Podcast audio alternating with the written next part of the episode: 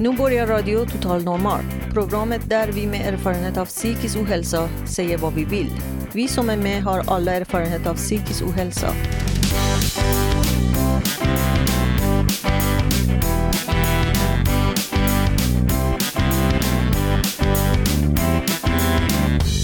Du lyssnar på Radio Total Normal 101,1 MHz.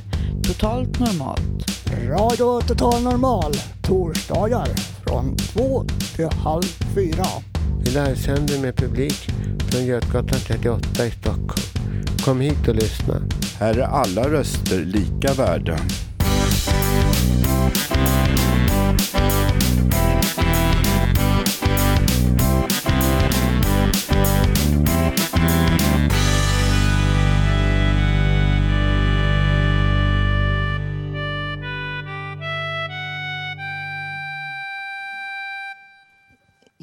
Hjärtligt välkomna alla lyssnare till Radio Total Normal 101,1. Jag har en härlig publik framför mig idag. Vi dricker kaffe och alla är laddade för en spännande show. Tervetuloa kaikki kuuntelemaan radio-ohjelmaa Radio Total Normal 101,1. Welcome everyone in the whole wide world to listen to Radio Total Normal 101.1. Vi som deltar i radiokanalen har erfarenhet av psykisk ohälsa. Även personer som arbetar i psykiatrin eller anhöriga kan delta i programmet. Idag kommer vi bland annat få höra ett inlägg hur det är att uppleva tonårstiden att den kan vara positiv i många avseenden. Och även jag kommer att prata om det positiva i tillvaron. Jag som är dagens programledare heter Susanna Skogberg. Då kör vi igång!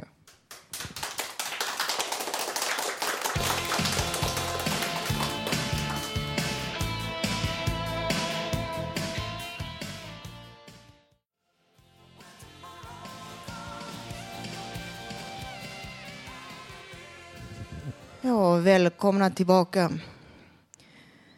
Nu ska en av våra fåglar, Blackbird, twittra om ett budskap. Jag kände en gång en kille som heter sömngångare, fast med andra ord. Jag bad denne svarta hiphop om en hjälpande hand att nå ut till våra flavor kids. Men sleepy as he was bugade ödmjukt och backade och tackade. Det var då jag undrade om han rökt för mycket hash eller bara tappat all sin stardust. I mitt hjärta jag fällde en tyst tår för denne forne stolte svarte man som plötsligt blev en vanlig banan gömd mitt i en bananklase. Mm. Ehm. Burns Berns horhus on fire. Jag vände mig om och såg en riktig tattare, rappare. Jag såg hans glöd. Yes, han var inte död. Han såg att jag brann.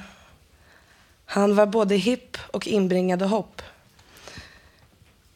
Som så mycket man han var. Han tog sin vita springare med inbyggd brandsläckare krisskrossade genom rummet. Sprakande arg, hans promille över 1,3 men kunde fatta ändå. Han fattade galoppen. Hans namn jag inte vet i denna pepparkakssmet. Så, min kaka, vart du smet.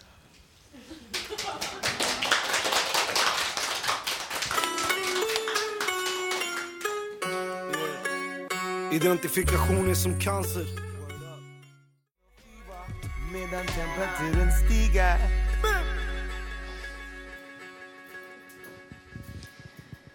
Ja, nu ska Agneta läsa en text som hon har skrivit. Varsågod. Tack. Uh, för två veckor sedan var jag här och berättade om en pinsam sak som jag har gjort. Och nu tänker jag berätta för er om ännu mer pinsamma saker som jag har gjort. Och det här är någonting som hände för ganska många år sedan. Jag var först med i en ganska bra kör där de flesta hade någon form av musikalisk utbildning. Några var professionella musiker och de hade den här kören som en fritidssyssla. Och jag fick mer och mer problem med min astma. För jag hade svår rampfeber och astma blir som bekant värre av stress. Dessutom kände jag mig väl aldrig riktigt accepterad av alla de här fina människorna. Så jag bestämde mig för att säga upp mig och söka mig till en annan kör med lite lägre krav. Och min lillebror, som också sjöng, han tog med mig till Botkyrka motettkör, som även den var ganska bra, men som kanske inte hade riktigt samma höga nivå. Det var inga problem för mig att komma med. Jag blev mottagen av de andra i kören med öppna armar. Jag fick ofta höra vilken hög och klar och fin sopranröst jag hade och att jag lyfte hela kören. Snart så ingick jag i ett litet tjejgäng och vi hade mycket roligt på rasterna. Körledaren var social och trevlig och hade tvärt emot den förra körledaren en förmåga att få mig att slappna av. Och därigenom så presterade jag mycket bättre på konserterna. Han var visserligen också mycket ambitiös. Han var visserligen också mycket ambitiös, men han lät oss i kören få tillräckligt med tid på oss att lära oss nya verk ordentligt. Och han gavs inte förrän kören lät riktigt bra. Och så här roligt hade det nog aldrig varit att sjunga i kör förut. Och så hade vi den första adventskonserten. Och jag märkte att körledaren hade börjat ändra sitt beteende mot mig en aning. Han hade börjat klappa mig på axlarna och stryka mig på ryggen. Hade även, även börjat ge mig komplimanger för mina kläder och för mitt utseende. Jag hade varit singel länge och var svältfödd på kärlek. Så det kändes helt underbart att få uppskattning och bekräftelse. Så småningom kom jag på mig själv med att sitta och tänka på honom. Och efter ett tag så var jag förälskad i min körledare. Och jag ansträngde mig till yttersta för att sjunga så bra som möjligt. Och jag gick som på små mål till varje körrep. Så småningom började jag mejla till min körledare. Det var ganska oskyldigt i början, men det blev oftare och oftare. Och så småningom blev det varje dag.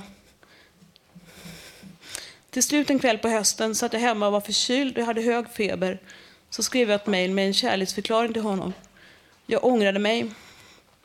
Då jag kom till nästa rep så sa han att han ville prata med mig. Så tog han upp mig i ett litet rum i kyrktornet. Han sa att jag var avskedad ur kören. För han visste inte att, hur han skulle hantera det faktum att jag var kär i honom. Det konstigaste av allt var att medan jag stod där uppe ensam med honom så hade jag en känsla av att det var jag som hade ett övertag. Men så var det ju definitivt inte. Det var ju han som hade makten. Jag gick därifrån gråtande. När jag var på väg upp för backen genom skogen så vände jag mig om och slängde en sista blick på Botkyrka kyrka. Jag tänkte att tornspiran påminner mig om en sylvass ormtunga som slickar Gud i arslet. Jag var fruktansvärt ledsen och jag saknade kören enormt. Men jag tänkte kanske skulle inte jag sjunga i kör alls. Jag kanske skulle satsa på att ta upp mitt måleri istället. Det gick ett halvår. Och på vårvintern så ringde körledaren och frågade om jag ville åka med kören till Prag. För en struntsumma. Det erbjudandet kunde jag inte motstå så jag åkte med. Det var en fantastisk upplevelse att få se Prag på våren. På hösten fick jag ett brev med en inbjudan till en ny termin. Jag svarade att jag inte skulle vara med. Då fick jag ett argt brev om att i och med att jag hade åkt med till Prag så var jag skyldig att vara med igen. Jag skrev tillbaka att jag inte var intresserad. Sedan kom det ett brev där han vädjade och skrev att det lät uselt om kören när inte jag var med och att han saknade mig. Då skrev jag att om han skickade fler brev till mig så skulle jag inte öppna dem utan bara slänga dem i papperskorgen. Efter det hörde jag inget mer från honom. Ett par månader senare hörde jag att han hade sagt upp sig från jobbet och tagit en tjänst som kyrkomusiker i en annan kyrka. Då hade många i kören försvunnit till andra körer runt om i stan Och när nya körledaren kom och skulle ta över så var det bara två medlemmar kvar. Vad säger ni om det här?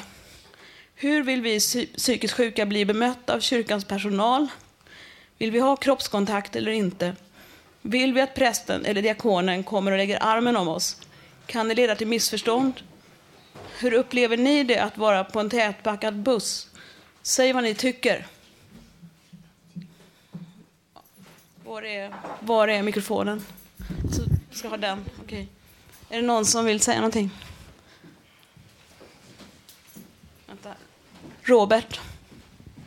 Ja, det är ju samma människa, det är samma gener, det är samma ursprung. Det är samma människa. Alla människor är ju stöpta i samma form.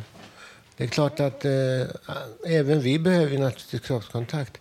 Men det är nog ovanligare för oss att vi både är lyckliga och har god och eh, närande kroppskontakt med folk omkring oss. Tack. Tack för det. Janne, vill du säga något? Ja, jag vill ha kroppskontakt med min flickvän, då, men sen om någon, någon liksom om någon liksom klappar en på axeln så här kan det vara bra. Men inte bara så här, ma, inte som masseras, det tycker jag är äckligt. Alltså, det vill jag inte. Nej, men alltså klapp så här, bara så här, dis, distinkt så där liksom. Okej, okay, diskret, distinkt så där. Är det någon mer som vill säga något? Johanna? Eh, ja, kroppskontakt eller ska vi prata om kyrkan?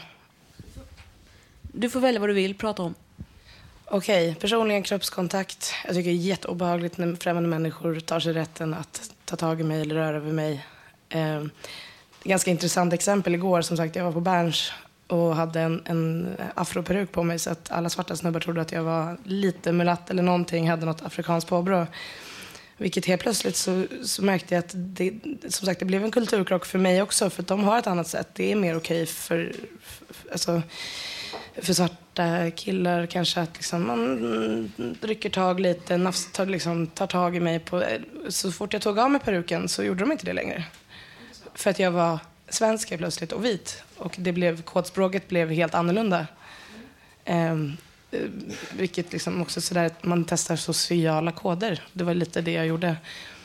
Um, sen vad det gäller kyrkan, jag tycker överhuvudtaget att, eh, vad ska vi säga, som sagt vi stöpta alla, alla är vi stöpta i samma form. Det är fortfarande människor um, som jobbar inom kyrkan. Så att de, har, de är ju mänskliga. De är liksom, um, men däremot så sitter de i en, i en maktposition. Så de, rent, liksom, de ska inte ta sig den friheten från början.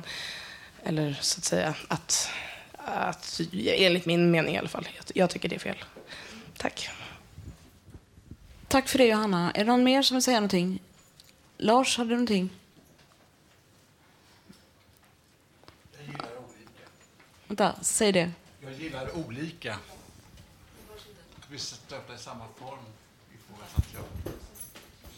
Jag ifrågasätter att vi stöps i samma form. Jag gillar olika. Du gillar olika. Ja. Susanna? Jo, eh, jag tänkte eh, lägga till några ord som sades här i publiken. Det, det, är också med kulturskillnader och kroppsspråk. Jag tycker också det är lite jobbigt med kroppskontakt med kanske folk som jag inte känner. Eller.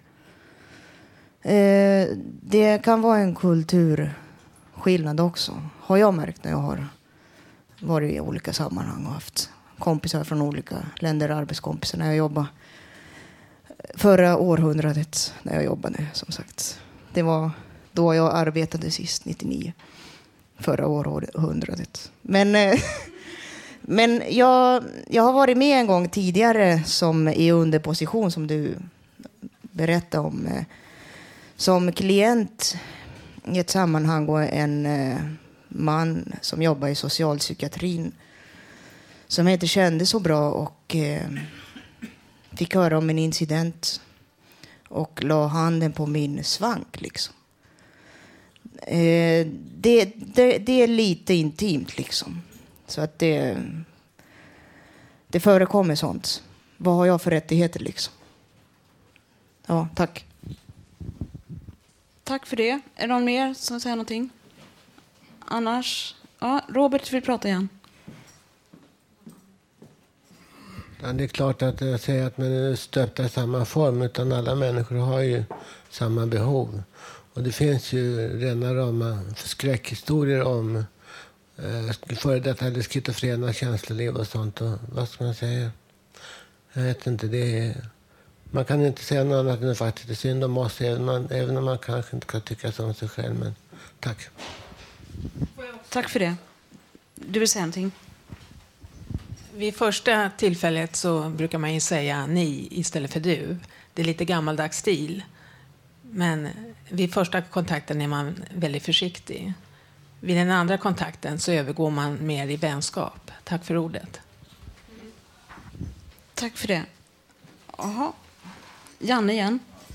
Jag tycker det är obehagligt om... Eh, ja, det har förekommit att folk har stalkat då, va, och, och liksom tvingat sig på någon annan människa. Då, det tycker jag är väldigt obehagligt. Alltså det, det bevisar kanske att den människan inte har haft så mycket kärlek och kroppskontakt, måste ha leva ut. Alltså en annan sak att jag tror inte att någon människa, vuxen människa eh, inte kan ha någon form av sexualliv. Man måste ha det. Det finns inga påven och kyrkan, katolska kyrkan. Det måste de inse. De måste tillåta preventivmedel och kondomer, för annars kommer hiv bli en jättesvår epidemi. Det finns präster och påvar, allting. Alla människor har ju någon form av kärleksbehov. Och då kan man inte säga att nej, vi behöver inte det, bara för att man är religiös.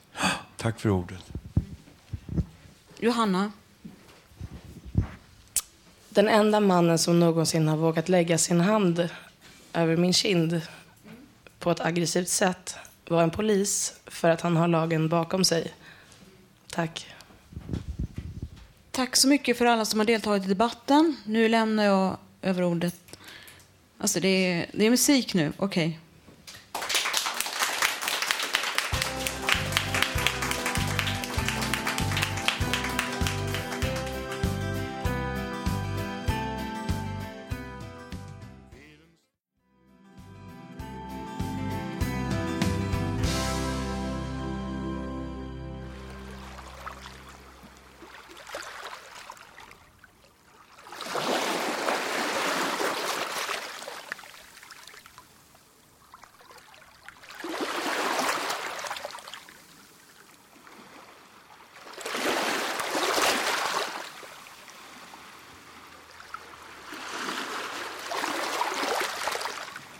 Föreställ er att ni ligger på en solig sandstrand.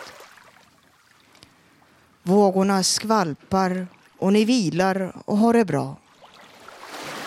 Ljudet av vågorna denna sommardag. Kan det bli bättre än så här? Ligga och höra på vågor.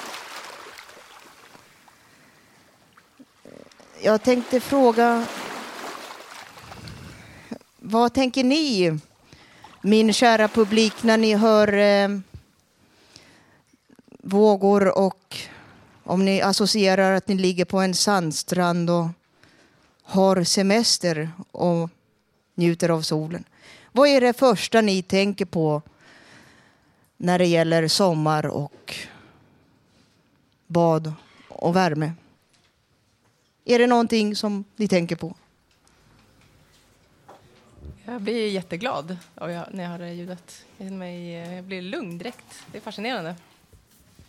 Jo, det är trevligt. Är det, kan det vara jobbigt att ligga i solen många timmar? Ska man ha paraply, tycker ni? Solsting, jag tänkte på. liksom. Ja, som barn när jag var nere i Skåne på somrarna så var det ju bad och och glass och eh, trevligt liv på en helt annan respekt. respekt. Det måste ju ha funnits någonting som inte fanns hemma i Stockholm. Jag vet inte hur det kunde vara som skillnad, men det var ju det det var. Tack. Det vore skönt att åka på en riktig solsemester till Spanien. Det gjorde jag när jag var 16 år. Så här riktig varm semester. Men det är väl gångna tider. Man får väl lön någon gång så har man råd. Jag vet inte. Vad handlar om positiva tankar? Ja, gör det? Ja, jag kan rekommendera en författare som jag fick tag på genom en, en medpatient. Hörs det nu? Ja? Medpatient på Huddinge sjukhus. Hon sa så här, don't tell your life story because nobody's really interested. Och så sa hon så här, you should read a book by Norman Vincent Peale called The Power of Positive Thinking. Så bad jag min bror när han reste till Amerika, han är pilot, och att köpa de där böckerna åt mig. Och jag köpte dem och då låg jag alltså cirka två år på en säng och käkade mediciner som var jättetunga. Jag läste de här positivt tänkande och det hjälpte mig sen. Det handlar om människor som har råkat katastrofer. Hela hemmet och familjen brann upp och han blev av med allt han ägde och hade. Och då gjorde han så han flyttade en helt annan delstat i Amerika, började på helt ny kula med helt ny familj. Det var en man som satt i Koreakriget, det är 40 grader kallt, åt kalla bönor med, med en pennkniv. Och så frågar någon honom, What would you ask for? I would ask for tomorrow. Tack för ordet.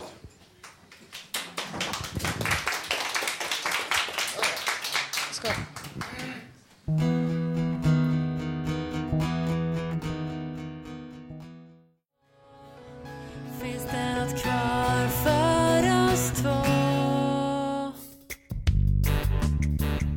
Direktsänd radioshow producerat av oss med erfarenhet av psykisk ohälsa.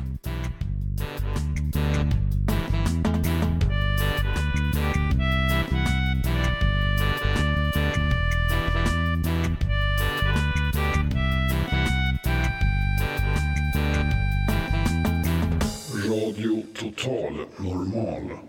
Ja, välkomna tillbaka. Nu ska Robert Navestam ha del nio av sin följetong. Nya polarnas schyssta så, snedstreck Maggie. Ja, hej, det är jag här nu igen för nionde gången i det här eh, för resumén. Har vi nu resumé Det är Lotta först. Ja, det var Werner och Werner som hade blivit eh, kidnappade för sina kock- kockkunskaper och skulle laga krubb åt en del utflyttade människor som hade hamnat på ett sop på en främmande planet. Och det var då nu på väg mot Sirius där det skulle tillbringa en liten eller stor tidsrymd bestämt av vilken tur det hade. Under resan på gång så pågick ett symposium om hur det skulle tänkas kunna gå för de nya människosirianerna som Werner och Werner snart kunde kalla sig. På det hela sätt så var de ganska nöjda med hur de hade det, åtminstone en.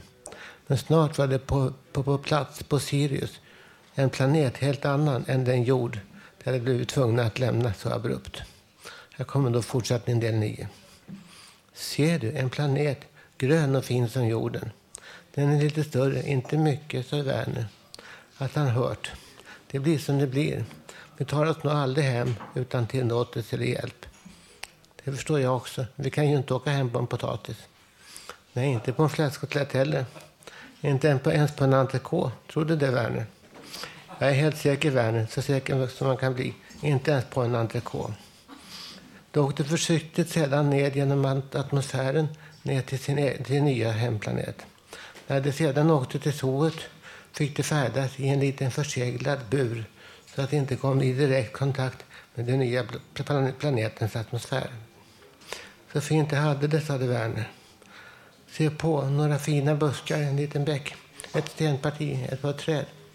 Det är nog som det blir. Och där borta, se på den. Det är för deras skull vi är här. Se, där borta.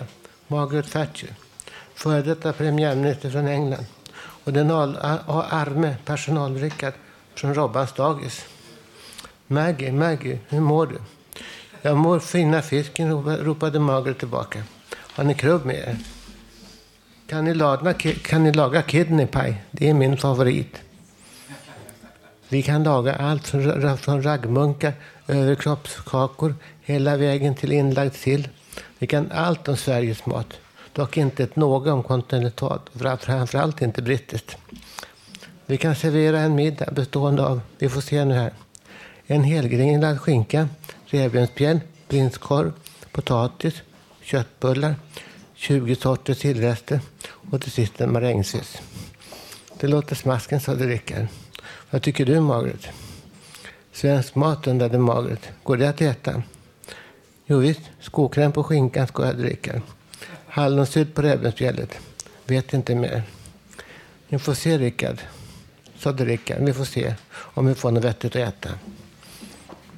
De fyra människorna sitter sedan senare vid ett dukat bord och äter mot slutet av en dag. Maggie säger, vad kan man mer önska sig? Och kliar med en skärpt blick Rickard tänkt, tänkt, med en tänkt hand under hakan. Två utmärkta kockar, en rejäl stad direkt från Stockholm, Sverige.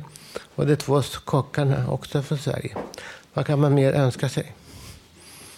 Fint Maggie, fint.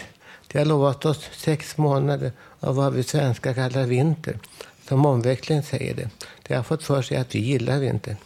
Vad kan man mer säga? Idioter från en främmande planet, sade någon som rätt som, som Rickard. Vad kan man mer önska sig? undrade de fem, fängslade fyra. Vad kan man mer önska sig? Utanför buren, dit där, där det som var innanför inte kunde se, det stod ett par mindre utomjordingar och deras, som det nog måste ha varit, föräldrar. Och de stod och såg på de nya attraktionerna. Vi har köat fem timmar för de här dåren. och nu sitter bara klubbar. Något annat måste det kunna göras av denna barn. De har ju så litet. Inte kan väl det här vara bra för dem?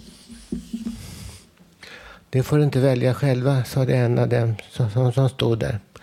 Det har varit diskussioner om hur det är, eller hur det ska fungera etiskt med dessa nya invånare hos oss. Eller om det är fel av oss att ha dem så här. Ge blanka fasen, sade någon. Kan vi inte få se lite grann av deras berömda kannibalism som blivit omskriven? Det, gäller, det är bara om det är från ett område där det är vanligt att de utövar detta, sa denna barnen. Det, det vet till och med vi, det vet de knappt själva ens ibland. I skolan där, sa de att det inte är så farligt som man kan tro. Utan, utan sin kultur och allt annat hade inte så mycket att komma med. Tack. Det var del nio.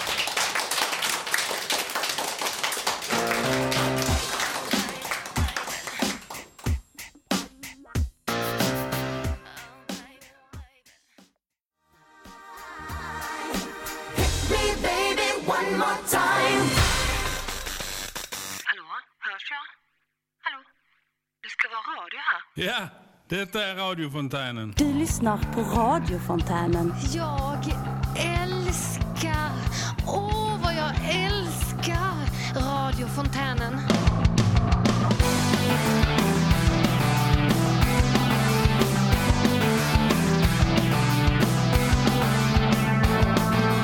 Snart börjar radiofontänen i Malmö att sända. Det är ett systerprogram till Radio Total Normal som också görs av människor med erfarenhet av psykisk ohälsa. Man kan höra programmet på fontänhuset.se eller på Malmö lokalradio 88 MHz. Eller lyssna på plats på Malmös fontänhus. Programmet sänds torsdagar från 14.00 till 15.00 och första premiärprogrammet sänds den 11 november. Vi på Radio Total Normal önskar alla er lycka till! Radiofontänen tar upp saker som inga andra radioprogram gör. Radiofontänen är viktig. Jag utstrålar nog mer glädje då. Nu ska ni eh, absolut lyssna på radiofontänen. Det är den bästa radion som finns som vi har upptäckt här i Malmö. Radiofontänen, vilken show! Klockan 14 till 15. Du blir glad och börjar dansa. Vi sänder live varje torsdag. Poesi i Radio Total Normal.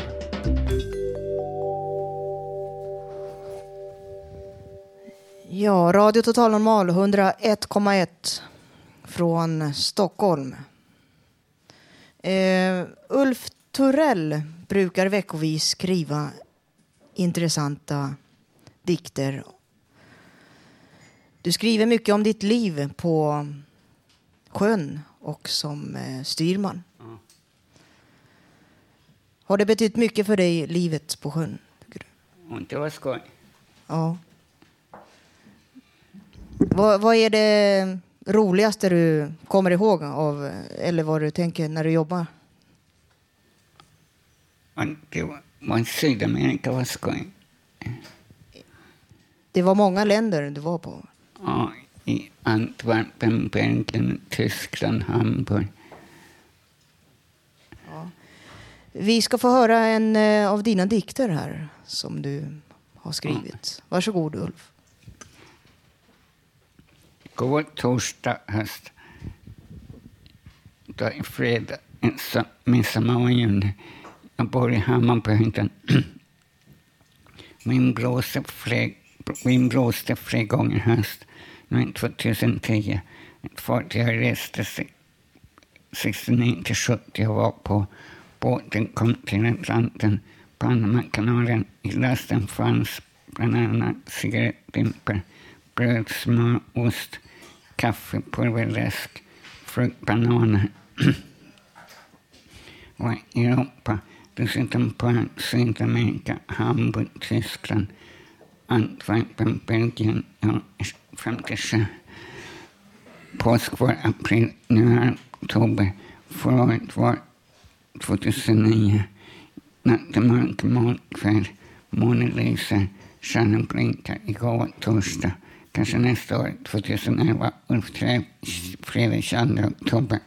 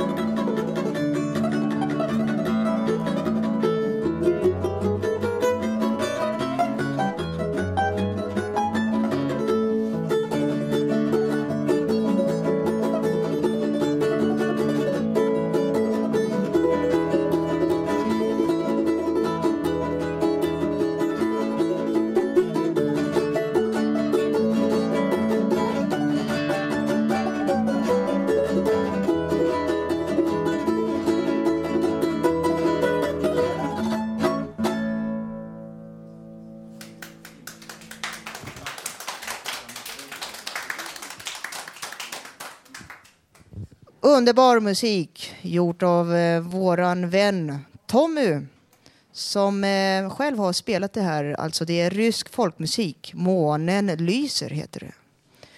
Ja, då går vi vidare här och eh,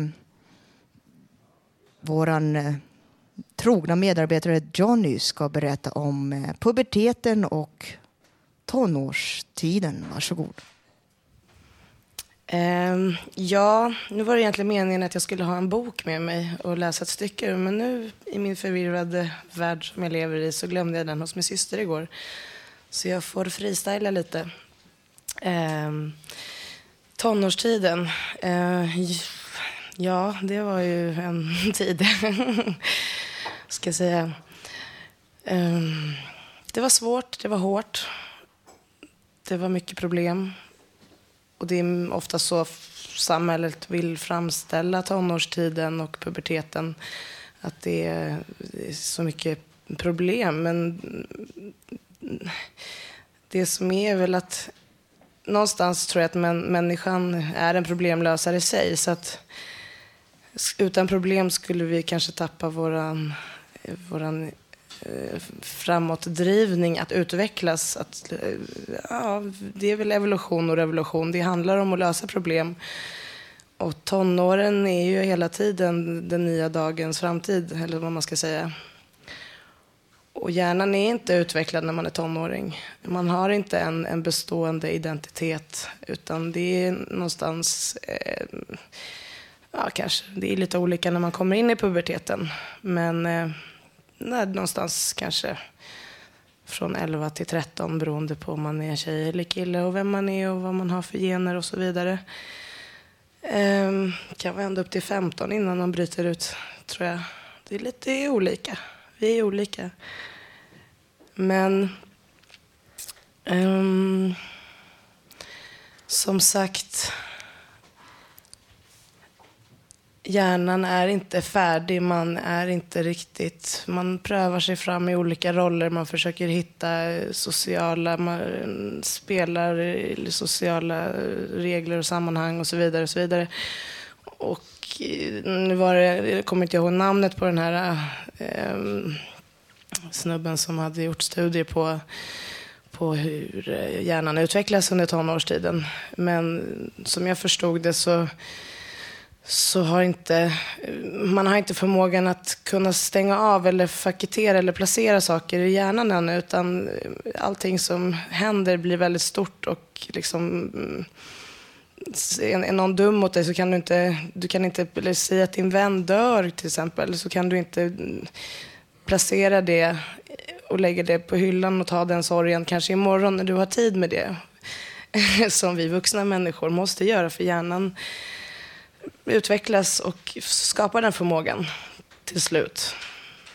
Men det är inte förrän du är runt kanske 25 eller ja, någonstans där börjar hjärnan bli färdig med, med de egenskaperna. Och sen så som sagt, nu är vi ju ändå i ett forum där vi pratar om psykisk ohälsa och så vidare. Så det här är ju, det blir väldigt, eh, det här är ju som sagt studier på kanske folk som så att säga normala, hur, eller vad man ska säga. Vilket jag inte ens tror på, för jag tror alla människor är normala i grund och botten. Sen så har man olika, olika eh, spektrum och olika, det man har överskott har man någonstans underskott och så vidare. Man, hjärnan måste vara balanserad. Eh, och det är där håller väl staten på att mixtra med och vill att man ska liksom synapsa ihop så att det ska bli en balans i deras tycke. Eh, men som sagt, tonårstiden, puberteten. Ja, jag tror ju på alltid på nästa generation, eller vad man ska säga.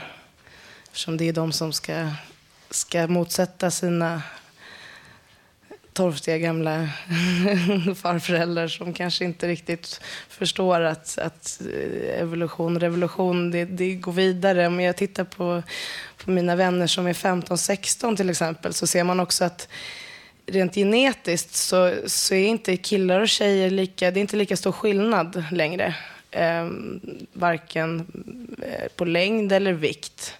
Och mannen har ju alltid varit fysiskt starkare än vad kvinnan är. Och kanske också därför haft makt mycket i, i, genom åren som har gått. Men det är som sagt, det förändras och samhället blir mer jämställt, inte bara rent tankemässigt utan också rent fysiskt. Eh, människor ser mer och mer androgyna ut och eh, tack och lov så börjar den här eh, trenden av liksom renrasighet försvinna som har varit gjort liksom att några hundra år har det varit väldigt mycket inavel och folk har blivit ganska puckade och så vidare. Men nu börjar det bli en mycket mer öppenhet i att man kanske ska, det är, det är bra att blanda. Det är samma sak med hundar. Liksom. Det finns jättekonstiga inavlade hundar som jag bara vill avliva allihopa, höll jag på att säga, för jag tycker så synd om dem. Men, men nu ska inte jag avliva några människor som är inavlade, utan eh, ja. så. Men, men eh, det, det, det går framåt och det, jag är tacksam för det och jag är glad för det. Och, och som sagt, jag, jag, skulle gärna vilja liksom höra om det är någon i publiken som har någonting att säga om, om tonårstiden eller puberteten eller har några tankar kring det. Um, så ska vi se här.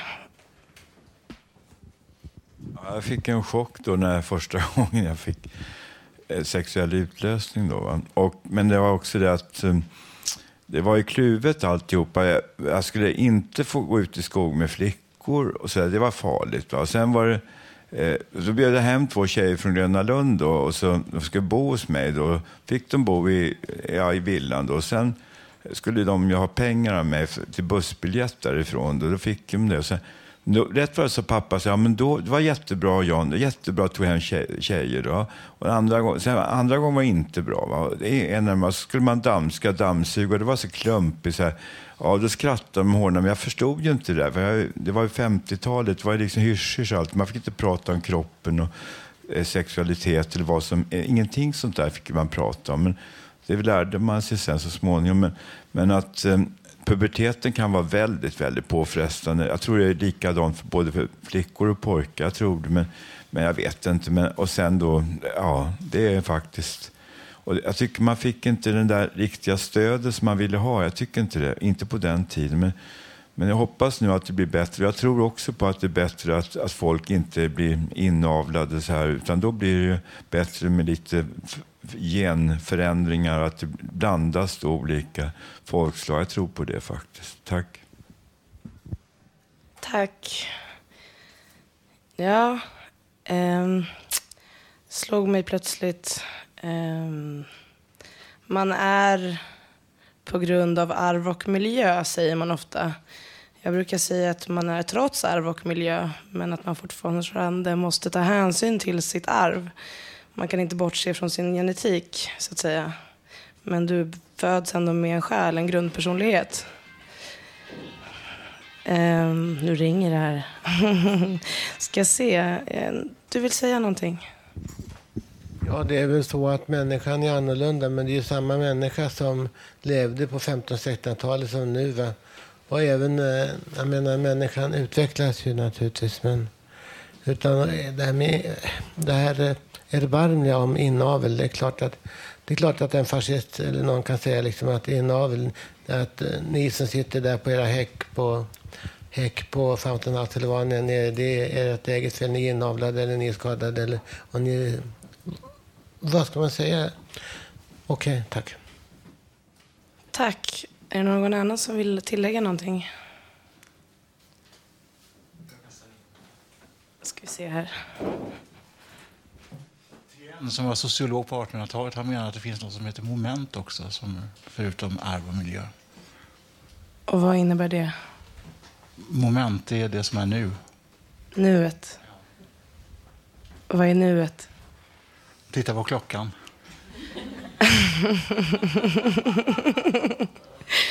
Men nu är det ju faktiskt så att hjärnans ja, förmåga att uppfatta nuet är alltid lite förskjutet hur som helst. Att vi kan ju aldrig leva i nuet även om vi är så mycket önskade. För det tar några mikromillimeter sekunder eller vad det nu är innan nuet kommer till medvetandet och så vidare. Så att det där med tiden, det, det är en annan diskussion men det kan vi ta en annan gång. Det är en puls. Absolut. Ska vi se här. Jo, jag tänkte på tonårstiden. När ni sitter här och tittar på mig eller har träffat mig, många av er, kanske ni upplever mig som oskyldig och sådär. Men det har inte varit så mycket i min tonårstid. Eh, det, det handlar också om revolt som jag gjorde som tonåring. Jag gjorde en rejäl revolt. Och jag festade mycket på helgerna. Det var tillåtet hos en kompis till mig. Föräldrarna accepterade att vi var där på helgerna och söp. Liksom. Så vi drack sprit och hade fester nästan varje helg.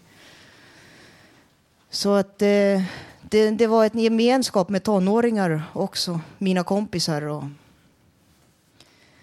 och snatta i affärer, det var häftigt. Och spänningen, snokläder och sånt där. Men eh, idag, jag gör, jag gör inte sånt. Jag har blivit haffad av...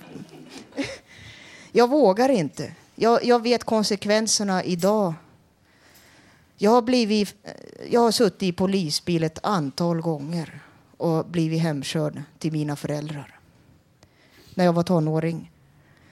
Men eh, jag skulle inte, inte våga göra idag någonting. För att jag vet inte om man söker jobb om det. Det är tio års preskri, bre, vad heter det? Pre, Preskriberings... Ja, i brottsregistret. Det är i och för sig länge, sedan, länge sedan, men det är inte roligt att bli haffad av polisen eller civilare som ser att jag har snott någonting i klädaffärer som hände. Nej.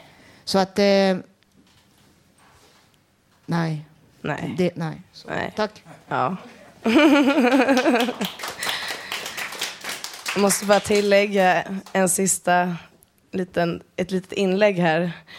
Eh, det var som min bror sa till mig när jag var kanske 14. Nu du, nu måste du passa på. Det är bara ett år kvar av frihet. När du fyller 15 så är du inte myndig längre. För då får du ta konsekvenserna för dina handlingar. så att, som att säga, ibland är saker bakvänt. Tack.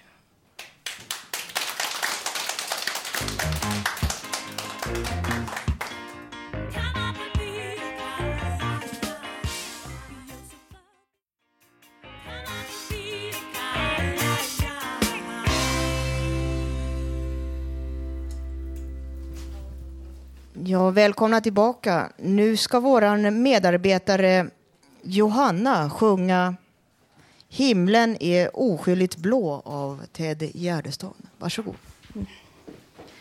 Himlen är oskyldigt blå som ögon när barnen är små.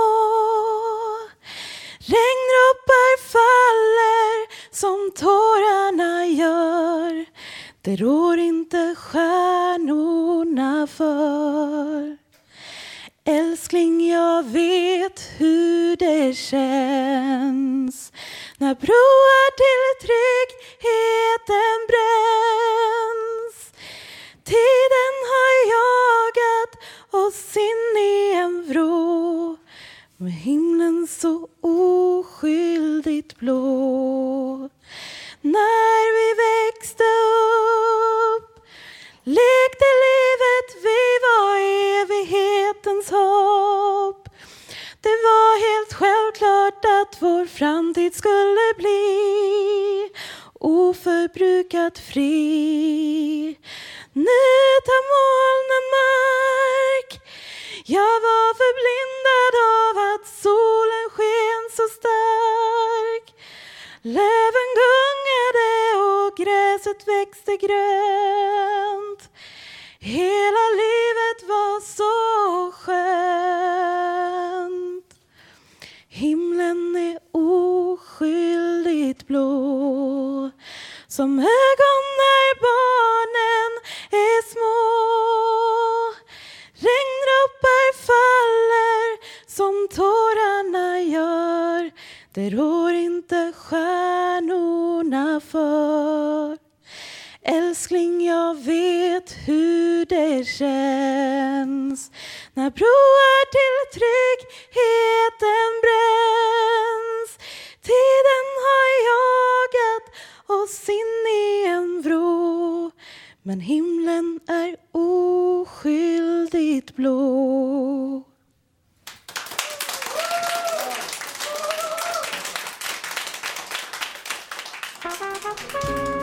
Hösttips från Radio Total Normal.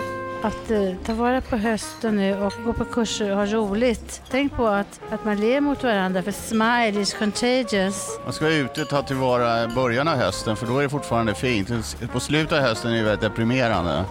Basta kanske, mysigt krypa in i en varm bastu. Mitt bästa hösttips är att ta det lugnt. Alltså bara för att det är höst och allting blir stressigt, man försöker hålla sig lite lugn. Glad höst! Glad höst!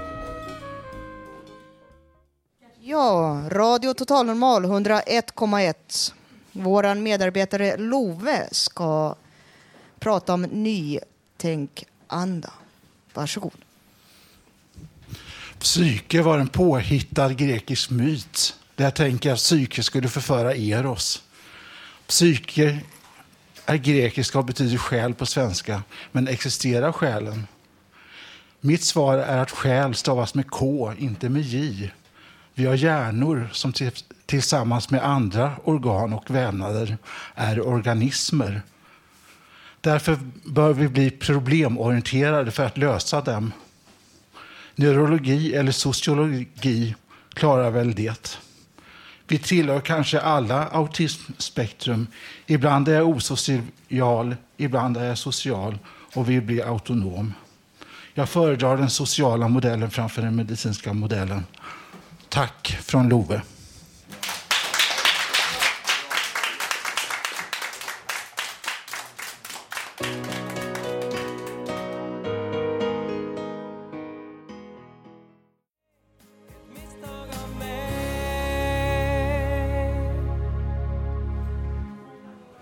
Ja, det är jag som är Mr X här och det brukar jag kalla mig för att det kommer lite kontroversiella saker. Men det här är verkligen inget speciellt. Men det är faktiskt så att nästa gång vi hörs så är det vintertid här i Sverige. Ja, i Europa också för övrigt. Och eh, ni får tänka på det att det blir en timme fortare mörkt. Man får ställa om klockan. Och, eh, det kan vara bra att veta om man ska ta ett flyg eller ett tåg eller om man ska träffa någon efter helgen då, då för det är mellan lördag och söndag. Då. Vad var det?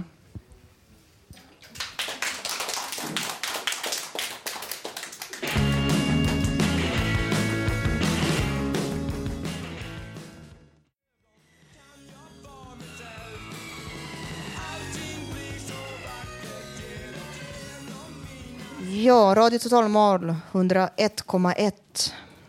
Eh, min namn är Susanna, välkommen. Från Susanna Alcantara från Mexiko kommer eh, nu spela flöjt. Susanna kommer eh, från en grupp All människa. Varsågod. Okay, Jag ska spela um, Lilla stjärna, en bandsång. Får vi se om det går.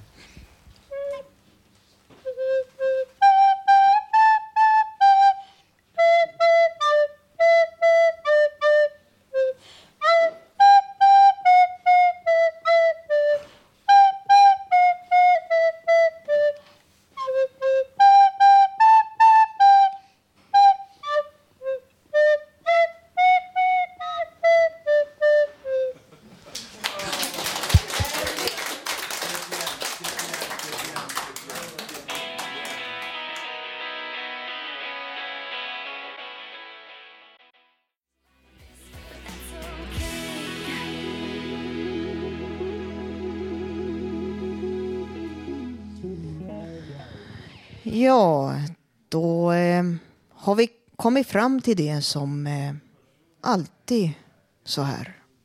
Vi närmar oss slutet på programmet. Idag har vi fått höra en debatt om kroppskontakt och eh, flöjt. Musik, en fin dikt och eh, följetongen nummer nio denna gång. Maggie. Du har lyssnat på Radio Total Normal. Vi sänder live varje torsdag mellan 2 och halv 4 på 101,1. Du kan mejla oss om du vill och få kontakt eller om du har åsikter om programmet. Gå in på vår hemsida www.radiototalnormal.se. Där har du möjlighet att skriva i gästboken också. Dagens musik är vald av Håkan Eriksson och Mr X. Producent har varit Hanna Samlin, projektledare Bodil Lundmark. Tekniker Gustav Sundén och jag som har varit programledare heter Susanna Skogberg. Alla vi hälsar till våran trogna vän Ronald som är med, medarbetare här på radion. Han är inte här idag så att eh, vi saknar dig. Kom tillbaks snart. Ronald. Ehm, jag tänkte några slutord. Ehm, det är höst och eh, närmar sig kyligare tider. Det är kul att strosera runt bland löven och se alla färger och bara gå runt liksom. Eh. Njut av färgerna och ta hand om varann. Tack för mig. Vi ses. Hej hej.